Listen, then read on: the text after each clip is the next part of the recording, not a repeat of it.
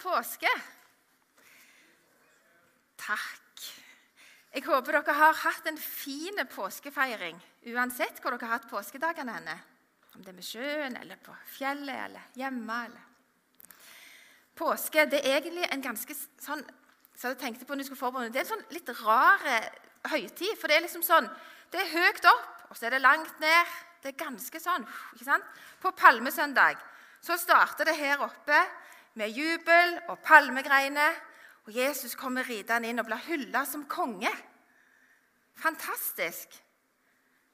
Og så vet Jesus at ikke mange dagene etterpå så skal han sitte til bords med disiplene og spise et måltid med dem. Og før det så vasker han beina deres. Og så vet han at nå er det ikke mange timer til. Så starter det dramaet når Jesus blir tatt til fange. Og Så kan vi lese i Bibelen om at Jesus han visste på forhånd alt som skulle skje. Og allikevel så var han villig til å gå i døden, til å bli korsfesta, henge på korset og ta på seg sånn som Anette også sa, all vår synd, skyld og skam. Det tok Jesus med seg opp på korset. Men hvorfor måtte han egentlig det? Hvorfor måtte egentlig Jesus dø for at det skulle kunne skje? Vi kan lese i Bibelen et kjent vers, Johannes 3, 16 og 17. For så høyt har Gud elska verden at han ga sin sønn, den enebårne, det betyr den eneste, for at hver den som tror på ham, ikke skal gå fortapt, men ha evig liv. Gud sendte ikke sin sønn til verden for å dømme verden, men for at verden skulle bli frelst ved han. ikke det er fantastisk? Jesus, frelseren vår, han måtte altså dø for å gjenopprette relasjonen, for at vi igjen skulle få kontakt med Gud, med far. Når Jesus hang på korset, så var de siste ordene han ropte ut, det er fullbrakt. Litt vanskelige ord å forstå, gjerne, men det betyr noe sånn som at alt er gjort opp for. Alt er betalt for. Og det var rett og slett prisen som Jesus måtte betale for frelsen, som du og vi kan få lov til å ta imot. Helt gratis og helt ufortjent. Når Jesus døde, så revna forhenget i tempelet fra øverst til nederst et nydelig symbol synes jeg, på det at vi kan igjen få lov å komme nær. Få komme tett inn til far. Opp på hans fang. Det er ingenting som skiller oss lenger, for Jesus har, tatt, har betalt prisen.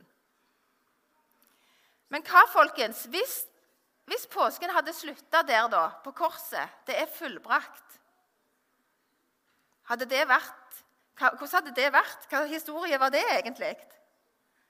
Det må noe mer til, for påsken hadde ikke vært påske uten første påskedag, den dagen når Jesus sto opp igjen. I Bibelen i Markus skal vi lese om hva som skjedde første påskedag. Da sabbaten var over, kjøpte Maria Magdalena og Maria, Jakobs mor, og Salome velluktende oljer for å gå og salve han, altså Jesus. Tidlig om morgenen den første dagen i uka kom de til graven da sola gikk opp. De sa til hverandre, 'Hvem skal vi få til å rulle bort steinen fra inngangen til grava?' Men da de så opp, fikk de se at steinen var rulla fra. Den var meget stor. Da de kom inn i graven, så de en ung mann sitte på høyre side, kledd i hvitt, en hvit, lang kjortel, og de ble forferda. Det betyr at de blir litt redde. Men han sa til dem, Vær ikke forferdet, eller vær ikke redde. Dere leter etter Jesus fra Nasaret, den korsfestede. Han er stått opp. Han er ikke her.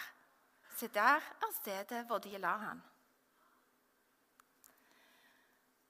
Evangeliet handler jo ikke primært om ei tom grav.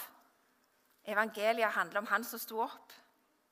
Evangeliet handler om han som var villig til å gå i døden for deg og meg for at vi skulle få lov til å ha fellesskap med far.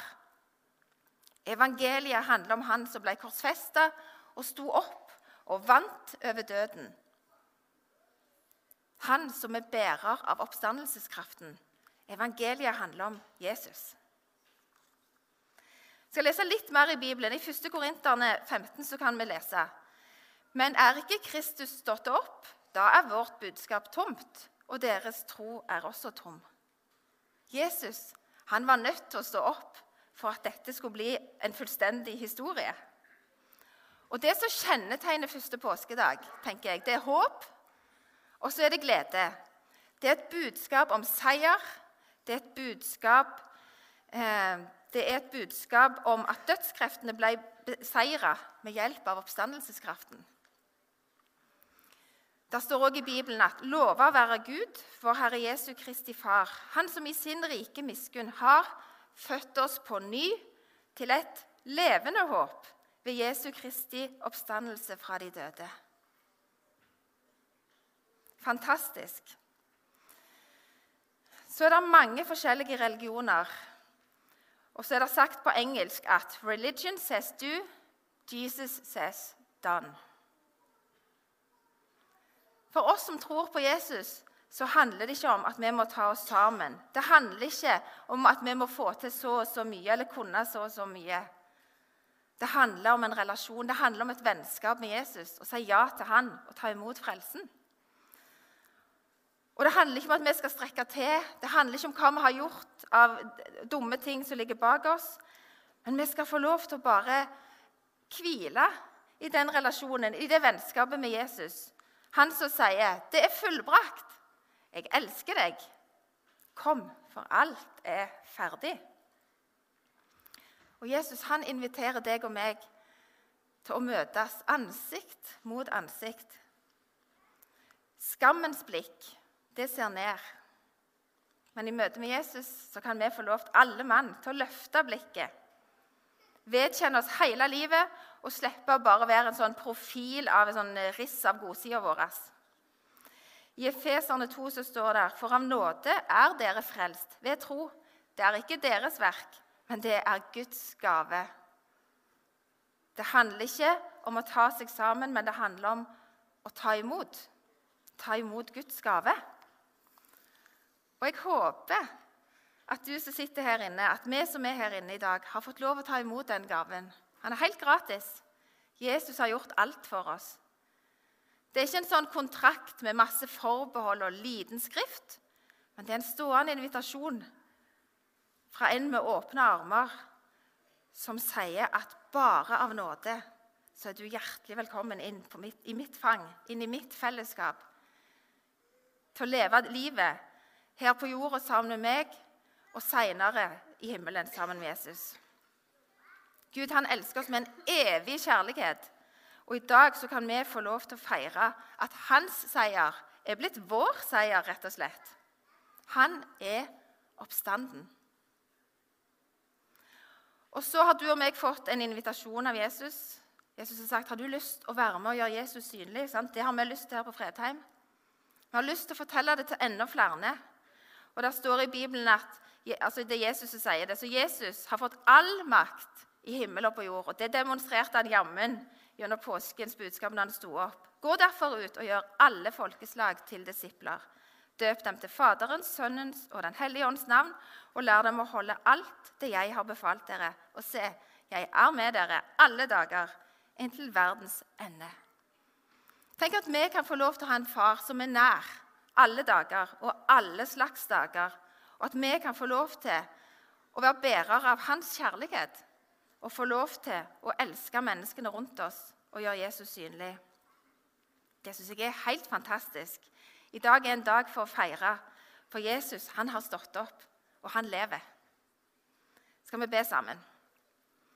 Jesus, vi takker deg for at du var villig til å dø i vårt sted. Takk for at du elsker alle med en evig kjærlighet. Og så lengter du så veldig etter å få legge armene rundt enda flere og si, 'Mitt barn, jeg elsker deg.' Takk for oppstandelseskraften, og takk for at vi kan få lov til å regne med din kraft i våre liv i dag òg. Amen.